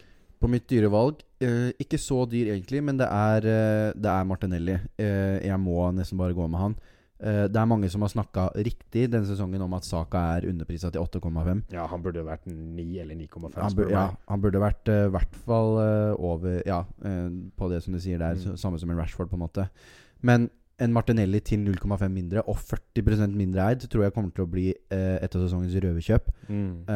Han er utrolig, utrolig god. Utrolig pigg. Ofte i foran mål i de situasjonene du ser eh, så i Community Shield. Når Havertz eh, kommer på sjanse, bomma på skudd, så er Martinelli der. Mm. Og kommer til å, å, å være så god denne sesongen. eh, så lenge han holder seg skadefri. Eh, utrolig, utrolig skarp. Og som sagt, 40% mindre eierandel og 0,5 mindre. Jeg sitter med begge akkurat nå, men eh, eh, Martinelli eh, tror jeg kommer til å være utrolig, utrolig god verdi til eh, 8,0 selv. Han var jo ekstremt god verdi til hva var det han var 6 blank Ja. i starten i fjor. Ja. Men jeg tror til og med de to ekstra er, er verdt det, altså. Ja, i hvert fall med tanke på at uh, de har Forest hjemme, Palace borte, Fulham hjemme, ManU hjemme, Everton borte, Tottenham hjemme og Bournemouth borte de første syv kampene. Og så er det litt Det begynner å sikle. Ja, det er, og det er eh, Martinelli er også fin å selge ned til noen billigere. Eller Mm. til og med så 0,5 så kan du gå opp til eh, Opp til Bruno Fernandes også. Så jeg tror eh, han er ikke så krise å kutte seg med hvis det viser seg at, det ikke, at han ikke leverer varene. da Nei. Men han, han er altså et meget, meget godt valg. Da er det inn i siste, siste ledd. Mm. Eh, godeste angrepsrekka. Yes. Eh, der, eh, der har vi fått eh, spørsmål om hvem som er den beste angrepsspillerne under 7 millioner. Mm. Så vi kan jo begynne å snakke litt om de først. da De beste alternativene der. Mm. Eh, der er det jo Det er noen som, som vi har diskutert i preseason også. Eh, som en Vissa til seks, som skal være spissen for Tony i Brentford. Eh, jeg tror han kommer til å spille spiss framfor han Skade. Eh, jeg tror Vissa er en bedre spiller enn han Skade i Brentford, så jeg tror han fort tar den spissplassen. Ja. Eh, og han har jo vist seg god i, i tidligere også. Eh, så er det Dominic Calvert-Lewin. Hva syns du om han? Eh, altså, han er nok den som kommer til å skåre mesteparten av målene til Everton. Spørsmålet mitt er bare hvor mange mål vi snakker om her, liksom. Sånn 31 mål i sesongen kan fort Everton sitte med. Ja, Greit, han er på straffe, liksom. Så hvis det, Han er jo en av de bedre i det sjiktet. Jeg personlig syns jo ikke det er så himla mye interessant i det sjiktet uansett.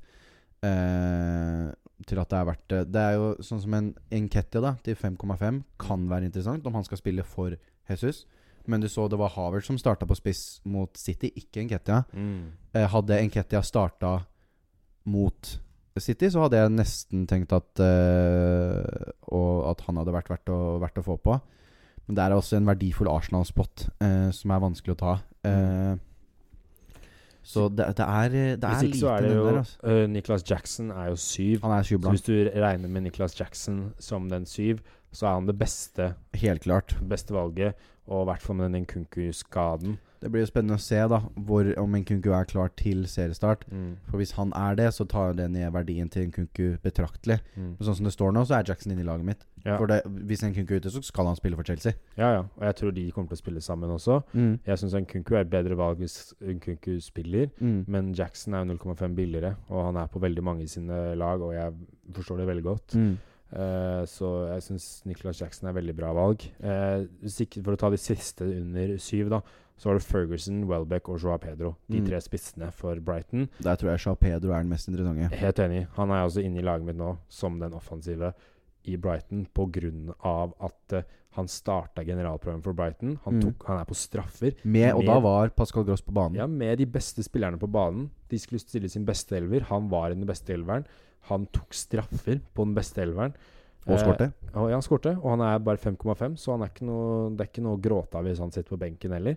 Fordi jeg brukte jo bare 5,5 på han, så det er jo ikke akkurat så ille. Og han er i hvert fall fin i den første kampen, for jeg tror han starter mot Luton. Mm. Uh, og ja, jeg syns Joa Pedro er et veldig, veldig godt 5,5. Uh, Og han er veldig bra hvis du er i en situasjon som, uh, som Boman her, da, som Mm. har Sala og Haaland.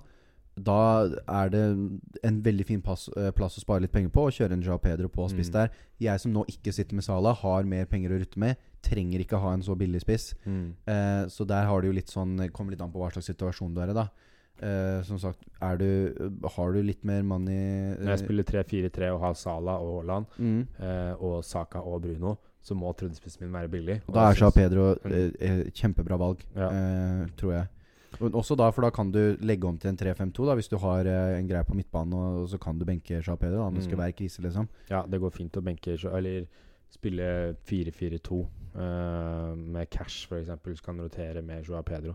Det og Mark Way eller Louis Colvin. De tre kan liksom rotere inn uh, en 4-5 og en 5-5 Joa Pedro. 4-5 forsvarsspillere og en Joa Pedro. De kan rotere på kamper. Eh, så jeg um, ja, så Joao Pedro løser opp mye som en tredjespiss, da. Mm. Uh, men uh, hvis du skal ta fra syv og ned, så syns jeg kanskje Nicholas Jackson er det beste alternativet der, da. Ja, det Jackson og så Pedro. Ja. Og så kanskje Wissa under der. Ja. Og så dyrere, så er det litt sånn her Haaland. Du må ha Haaland. Han er så høyt Bare med den effektive eierandelen han har, Ja. så er det Han må nesten bare på. Og du ser folk nå Jeg så folk på Twitter som var sånn et, Ja, Etter at de hadde sett uh, Community Shield, så var det ja, da var det bare å få Haaland ut. Det, sånn, Slutt å tulle, det var akkurat det folk sa i fjor også. Ja. Han, han skårte jo en milliard mål. Ja, det er sånn Ja, det er slutt å tulle. Det er bare tullprat. Sånn er det hver gang Haaland går to kamper uten å skåre, så begynner folk å og tvile. og si litt hvor god han er som målskårer, når folk blir, begynner å tvile etter to-tre kamper uten mål. Ja, det Han kommer til å få over 30 mål denne sesongen her, og hvis ikke du eier han, så, så tror jeg du prøver, bare prøver å leke deilig, for å være Ja. rett, rett og slett. Da Du må ha Haaland, og så Hvis han gjør det dårlig, da, så er ikke det så ille å selge han. Det er eh, da da tåler du å selge han, eller hvis han blir en skada eller et sånt. Men du må, ha, du må ha han fra starten av sesongen. Ja. Det bare må du. Eh, Det er nesten sånn at man, uh, som vi kommer til uh, i spaltene, det er nesten så du må kapteine han. Med tanke Mm. på den effektive eierandelen han har. Helt riktig. Hvis du først har noe og ikke kapteiner, så kommer du nesten til å miste poeng. Det er garant, nesten garantert. Mm. Og så er det det er, det er to mann på åtte blank som jeg syns stiller veldig likt. Han ene er Jesus, Mm. og han andre er Watkins. For å ta Jesus først, da. Du som er Arsenal-fan, han har jo vært skada, spilt kommuneskyld. Hva er siste nytt der? Siste nytt var at uh, Jeg tror ikke det var så ille som de hadde trodd. Mm. Men uh, jeg er usikker på om han starter uh, Starter første Med tanke på hvor grei kamp det er for Arsenal, Mm, og hvor bred troppen egentlig litt er, da, så tror jeg ikke de kommer til å risikere å forverre skaden hans nå, Mm. når de ikke må spille han. Heller la han vente en ekstra uke, da, for å være 100 sikker på at han kommer tilbake. Mm. Han, det er det kneet han som han var ute med en stor eh, del av sesongen i fjor. Det er risky. Han, de er ikke veldig stabile, de knærne hans. Så jeg er veldig veldig sikker på at de ikke kommer til å risikere noe der. Eh, men jeg tror ikke det er snakk om eh, mange måneder. Det var snakk om uker. Mm. Eh, så han kommer til å være tilbake og i rotasjon eh, relativt kjapt. Og da er han jo tilbake i Han var jo på mitt lag før han ble skada. Jeg er helt enig, fordi det er det der Arsenal-programmet Og selv om han ikke skårer så mye mål, så får han assist. Han, han er jo så utrolig god når han eh, spiller. Det er nesten bare du glemmer det fordi han, han har de avbrekkene med skade. Ja, øh, da er jo Watkins Watkins har liksom blitt den mannen jeg føler alle kommer til å ha nå. Bare Ja. av Jeg har begynt å innse at han er, kommer, er kanskje til og med bedre enn Jesus når til og med Jesus er skadefri. Bare pga. han kommer til å være det main man for Aston Villa. Vi så i fjor hvor mange kamper på rad han skårte. Han er på straffer for Aston Villa. Uh, Aston Villa et av, var et av de bedre lagene i fjor etter at Emery tok over. Og han har sett bra pigget i preseason også. Jeg, jeg, jeg syns Watkins er nesten det beste valget på åtte. Blank. Uh, Ja, jeg ser det er flere som eh, kritiserer litt om at eh, med programmet til Villa, og det er sånn det er ikke det beste, men de, det er Newcastle borte, Everton hjemme, Burnley borte, Liverpool borte, Crystal Palace hjemme. Det er fullt mulig for han å score i de kampene òg. Ja, det er, ikke noe, det er en tøff kamp Aston Villa ikke kommer ut som eh, med seier av de kampene. Så skårer jo han fort i de kampene Mm. mot Liverpool og Newcastle. Uh, så ja, jeg, jeg har veldig veldig, veldig tro på Watkins. Så jeg, jeg kommer nok til å sitte med Haaland Watkins eh, som de mine to main-spisser. da Kommer litt an på hva Arteta sier om Jesus på den pressekonferansen nå til eh, fredag, kanskje. Ja, fredag har Arteta pressekonferanse. Ja. Hvis han sier han er good to go til helga, så er det litt mer debatt for å eventuelt gjøre da Jesus om til eh, Gjøre Jesus om til Watkins etter at Arsenal er ferdig med sine lette kamper. da Mm. Um, Men ja, jeg syns Watkins ser veldig bra ut. Er, eh, han er ikke i laget mitt eh, nå, men jeg koste meg veldig med han eh, en god del av sesongen i fjor. Så for all del, veldig god spiller. Men jeg vil også slå et slag for en Cody Gakpo. Vi snakka jo litt Mm. om han på sosiale medier til hverandre. Mm. med tanke på at jeg, selv om jeg syns Liverpool ser ut som de lekker veldig bakover, Så eh, bøtter de inn mål. så bøtter de inn mål og så veldig gode eh, offensive. Og når jeg, har, eh, når jeg har tatt ut Salah, så vil jeg jo helst ha en Liverpool-spiller inni der. Mm. Eh, og da snakka vi om at du mener Gakpo er den som kommer til å spille spiss over Darwin Núñez, selv om han kanskje har vært bedre eh, sånn målmessig i eh, Ja, jeg tror Gakpo eh, har også en større sjanse til å spille når Darwin Nunes spiller, enn Darwin Nunes har å spille når Gakpo spiller. Til jeg tror når de kommer på startoppstillingen mot Chelsea, så er det Gakpo som starter pga. Gakpo har en veldig fin hatt en fin preseason, han òg. Uh, hadde en bra kamp nå mot Bayern sist, og jeg tror han passer bedre Klopp-fotball. Ja. Uh, og jeg tror Klopp har blitt veldig glad. i han, han, sitter, han passer bra i det Liverpool-laget. Av det vi så på slutten av sesongen i fjor, han begynte å bli varm i trøya. Nå har han fått en hel preseason. Jeg tror Gakpo kommer til å ha en veldig fin sesong. Uh, og han kan også spille den, eh, den åtter-ti-rollen Mm. uh, i, i det systemet Liverpool skal spille nå.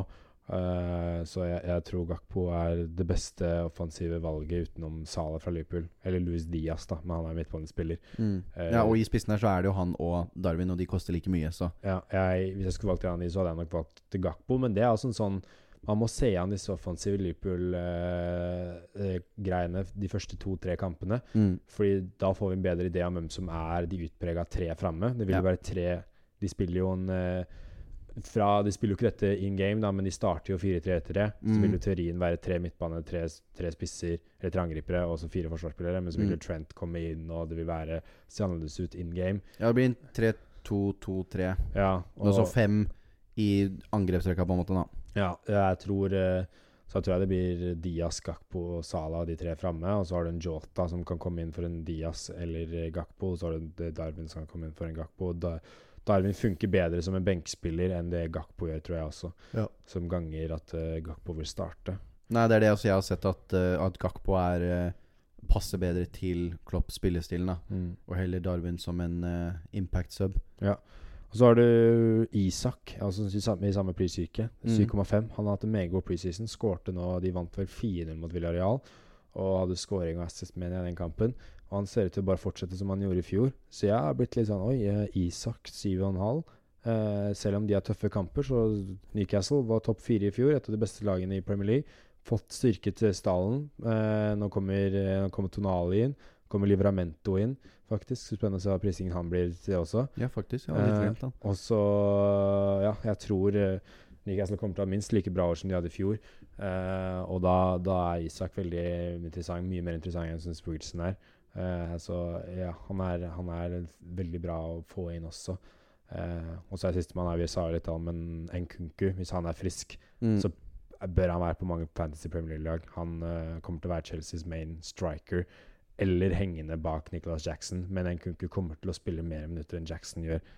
Enn hvis, han, hvis begge er skadefrie, så spiller Nkunku mer enn Jackson. Mm. Uh, så for å nevne siste spissen, da. Ja. Eh, da kan vi jo rappe opp med dyr og billig spiss. Mm. Din uh, billige spiss, uh, hvem syns du er det beste billige alternativet? På billig der så har vi Da satt vi vel uh, sjiktet på åtte. Eh, så åtte og under er billig Eller åtte og over er dyr, under åtte billig. Og jeg har gått med Nicholas Jackson sånn som det står nå. Er, kommer han til å være main man i Chelsea? Mm. Som jeg har veldig troa på. Rett og slett det, Den vil endre seg om en kuku kommer tilbake. Da vil jeg nesten bare skifta til han. Mm. Eh, men eh, Nicholas Jackson tror jeg kan bli veldig veldig spennende, og til den prisen veldig, veldig bra. Ja, jeg, jeg syns det er morsomt landskap å manøvrere også med de billige. Mm. Eh, men jeg, også, eller jeg har valgt Joa Pedro for det grunnen jeg sa i stad. Han er, koster 5,5 og bare eid av 7,2 Generalprøven han starter til å straffe med alle de beste spillerne rundt han. Ekstrem potensiell verdi. Ja, potensiell verdi, og du må ha en offensiv fra Brighton i starten av sesongen. Og Da Mm. syns jeg Joa Pedro er en fin spiss å ha, der. Han har stor, stor oppsving med tanke på den verdien. Og passer bra i sånn som vi snakket, passer bra i en to Ja. premiumsstall, da. Ja. Med både det, Sala og Haaland.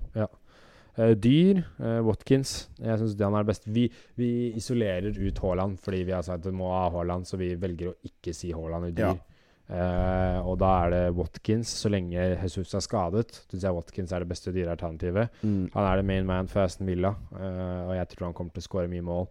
Han kan fort komme over 20 mål i år, så lenge han holder seg skadefri og håper å si Emrik eh, resignerer, som han har gjort tidligere i Premier League. Yep. Eh, så ja, jeg har veldig tro på Watkins i år. Nei, vi var vel enige om at Watkins var det beste dyret der. Hvis det viser seg at Kane kommer til å bli i Tottenham, så Mm. blir jo han fort Så er det, vil jeg si at uh, han kommer rett inn i diskusjonen igjen. Ja. Istedenfor en, ved siden av Haaland, da istedenfor en, en Sala, f.eks. Mm.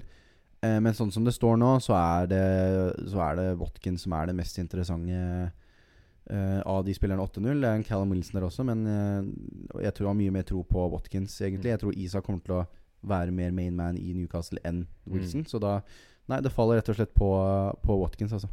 ja, helt enig. Ja, Kane, fire skåringer i går med her. Mm. Han, øh, han kan fort komme i diskusjonen hvis han blir værende. Altså, han kommer til å gjøre det bra om han blir i Tottenham. Ja. Det er greia bare at han kommer ikke til å skåre mye mål for Tottenham om han drar til Bayern. Ja, det er helt riktig. Og det, jeg vet han vil dit, og de jobber jo med det. Så det er nesten du må bare se til overgangsvinduet er stengt der. Ja, helt enig. Det var hoveddelen. Det var uh, mye, mye snackers. Kommet oss gjennom uh, alt og meget. ja, og det er sånn det er. Når det er første runde, det er mye prat om, det er mye spill å diskutere. Og det er morsomt, det. Det er jo det vi, det vi ånder for. Ja, og da, da har vi bare spaltene våre igjen. Yes. Så kan vi ikke bare hoppe rett inn i spaltene våre? Det syns jeg vi skal gjøre, vet du. Vi hopper eh, rett inn.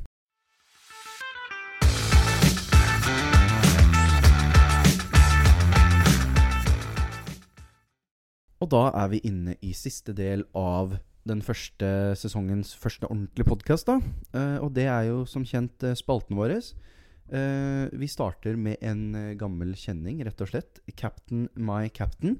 Mm. Eh, som da er for nye lyttere, eh, som navnet tilsier. Spalten hvor vi diskuterer hvem som skal ha kapteinspinnet for den kommende runden. Mm. Så da lurer jeg på, Boman, hvem er det du har sett for deg? Veldig enkelt å si, uh, si Haaland. Og jeg tror det er det smarteste, smarteste grunnet til effective ownership.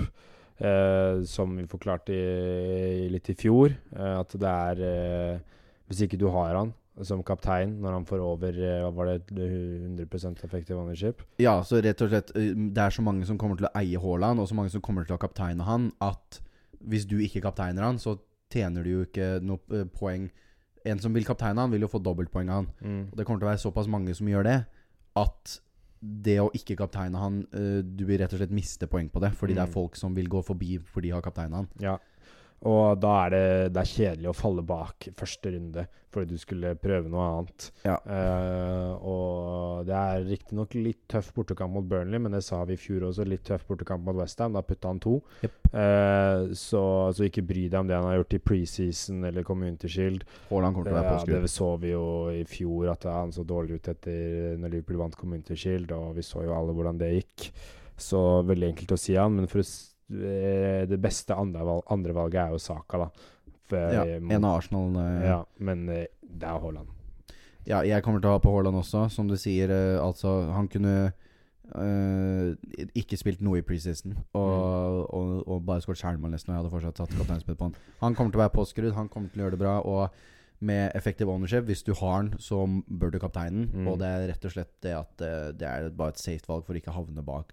Ja, oppsiden er om du skulle treffe, så kan du få en skikkelig headstart, men det Hvis jeg skulle vært en gambling man, så hadde ikke jeg satt penger på det, for å si det sånn. Nei, jeg, Så- jeg tror Haaland kommer til å gå av banen mot Burnley med en scoring. Eh, sjansen er høy for det, så Ja. rett og slett eh, Haaland vi anbefaler der, altså. Ja. Uh, og med det så kan vi gå videre til uh, neste spalte, som uh, vi egentlig ikke har satt noe navn på ennå. Vi velger å kalle det Jokerligaen Mm. enn så lenge. Det er altså da eh, en liten eh, revisjon vi har gjort av to spalter vi hadde i fjor, nemlig Jokerspalten vår og denne Eirik mot Eirik-ligaen vi hadde. Mm. Eh, og konseptet er rett og slett bare at vi har slått de sammen. Så nå istedenfor å ha egne jokere og en liga hvor vi eh, hadde temaer og, og velge en spiller, så kommer vi nå hver runde til å velge én joker, som vi da kjører i en head-to-head-liga, sånn som vi Mm. gjorde med Eirik mot Eirik. Eh, og for å gjøre ting litt mer spennende denne sesongen, så har vi satt inn en, eh, en straff for taperne, Mm. som vi har blitt enige om er at eh, når sesongen er ferdig, skal vi gå ut og spise, og taperen må ha på seg eh, gå i drakt til eh, eh, laget til vinneren, da. Mm. Så hvis jeg vinner, så må Boma gå i Arsenal-drakt, og hvis han vinner, så må jeg gå til Liverpool-drakt. Ja. Eh, som hvis du er interessert i fotball, vet er den største skam du kan gjøre, er å gå i en annen, eh, Ja. annen rivaliserende klubbs drakt. ja. Så det er, det er high stakes denne sesongen. Det, jeg vant jo Eirik mot Eirik i fjor, så derfor skal Boma få lov til å velge sin joker først. Så da lurer vi på hvem er det du kommer til å velge for første runde? Ja, eh, nå går vi ut ifra tallene som er akkurat nå. Mm. Det kan jo endre seg fram til deadline. Eh, og akkurat nå så var det Det var tre spillere som sto ut for meg som, eh, som jokere. Det skal også sies, bare eh, jokerne også, som i fjor, spiller under 10 eierandel. 10% Vi kan ikke velge hvem som helst, det er fortsatt under 10% Ja. Og uh, vi kan velge keepere, midtstoppere, midtbane og spisser. Velge hvem du vil. Hvem du vil. Og da sto det fram for meg Det var eh, Cody Gakpo, det var en Hong Min Son, og så var det Havrets, Mm. som sto fram for meg som eh, Havertz pga. han kan spille spiss, og den hjemmekampen mot Forest er det ganske stor oppsving for. Sånn for grunnen vi har sagt tidligere, og så Gakpo, som jeg sa tidligere også. Det er, jeg tror han starter på spiss mot eh, Chelsea. Men eh, jeg, siden jeg kanskje mest sannsynlig ikke kommer til å ha sånn på laget mitt, dessverre, så tror jeg jeg skal ta han i den spalten her. Mm. Og velge sånn i den kampen mot Brentford i første runde, da har jeg tro på en Hong Min Son. Så det er min, eh, min jokervalg denne runden her. Og for dere lyttere som vil eh, ha noen jokere, Hong Min Son. Hvor, hva slags eierandel er han på nå? La meg dobbeltsjekke det, men jeg mener det var en, eh, en 7 eh, eierandel. Det er jo veldig, veldig nice for det er 4,7% eierandel har Hong Såpass, ja. Min Son. Det er ikke mye i det hele tatt. Mm. Den liker jeg. Eh, min joker har jeg gått med en Her kan det fort hende jeg brenner meg litt. Eh, med tanke på at det kan, eh, det kan hende denne spilleren ikke spiller for klubben sin når vi kommer til seriestart. Mm. Men jeg ble altså så imponert av Bernardo Silva eh, i Community Shield. Og tenker at han kommer til å være uh, en skikkelig skikkelig joker om det viser det at han skal spille uh, Ta plassen til, uh, til Mares og, og faktisk kan bli en liten starter. da Han er jo en ekstremt god fotballspiller. Så, så jeg satser på at han er i City og spiller for de i hvert fall bare mot Burnley, er alt jeg trenger. Ja. Og setter han på der 3,9% eierandel der, altså. Så selv om det er en liten risk, så tenker jeg det er jo dette denne spalten er for. Virkelig eh, prøve på litt eh, morsomheter. Eh, Mm. Så derfor går jeg for eh, Bernardo Silva der, altså. Ja. Fra Manchester City. Og det skal også sies at eh, selv om vi har denne konkurransen, så er dette jokere for dere som lyttere, og dere vil høre dette mm, utover sesongen, så blir det kanskje mer og mer aktuelt med disse jokerne. Mm. Eh, og da er det rett og slett for dere at vi valgte å velge bare én joker hver, eh, som, som skal være vår beste spiller, da. Mm. Eh, så det er derfor vi har gjort denne modifikasjonen. Ja, vi fant i, løpet av eh, forrige sesong at eh, det ble mye mange runder så ble det mye slit med å finne eh, forskjellige jokere. Og det ble sittende og litt sånn bare måtte finne noen for å finne noen. Og derfor føler vi heller at eh, Da var vi tilbake. Liten eh, interruption der. Må bare beklage det. Men eh, som vi snakket om, det ble litt eh, mye Vi følte det ble litt kjedelig i forrige sesong å velge alle jokerne. Det ble liksom mye å bare velge noen for å velge noen. Og det vil vi prøve å unngå denne sesongen. Derfor kjører vi nå én joker per runde da hver. Ja, Så det er lettere for dere lyttere å velge, lytter å velge en joker når, Mm. dere skal, når dere skal gamble litt denne sesongen her. Da er det altså Bernardo Silva fra City for meg og Hung Min Son for Tottenham for Boman. Så det blir spennende å få starta nok en liga som nå har litt eh, risk med seg med tanke på forfeiten der. Mm. Eh, og med det så var vi kommet til ende på denne episoden. Mm. Det var en eh, lang og god og fin episode, syns jeg. Vi fikk pratet masse om eh, alle disse spillerne. Det er jo veldig mye å ta for seg. Og nå er det siste før første deadline. Da er Ja. det viktig å, å ha alt på bordet man kan. Ja, så eh, vi føler vi har dekket alt vi ville dekke, og snakket om alle spillerne vi ville dekke. Og forhåpentligvis så syns dere det samme. Og dere fikk med dere, dere noen gode tips og råd inn når dere skal sette deres første lag denne sesongen her. Og vi ønsker dere masse lykke til Mhm. med en ny Fantasy Premier League-sesong. Det er veldig gøy å si at uh, det er deadline til fredag, Mm. så husk på den. Når var det halv Det blir vel halv, eh, halv, Åtte, halv åtte, jeg siden det er kamp klokka ni. La oss bare bekrefte den. Halv åtte deadline, ja. Ja, så bare masse lykke til, og forhåpentligvis så vil dere høre på vår podkast denne sesongen her. Vi Mhm. kommer til å være her uke inn og uke ut og spille inn episoder og gi dere råd gjennom sesongen, slik at dere får en best mulig sesong som mulig. Så tusen takk for at dere hørte på denne episoden her, og forhåpentligvis så høres vi neste uke. Det er i hvert fall vi her, så snakkes vi neste uke. Det gjør vi. Gleder til en ny sesong. Vi kommer eh, sterkere. Fortsetter med der vi slapp i fjor. Håper alle som hørte på oss i fjor, blir med inn i denne sesongen. Håper det kommer mange nye. Så blir dette en fantastisk sesong sammen vi kommer til å ha. Så vi snakkes eh, til neste uke. Ha det, ha det.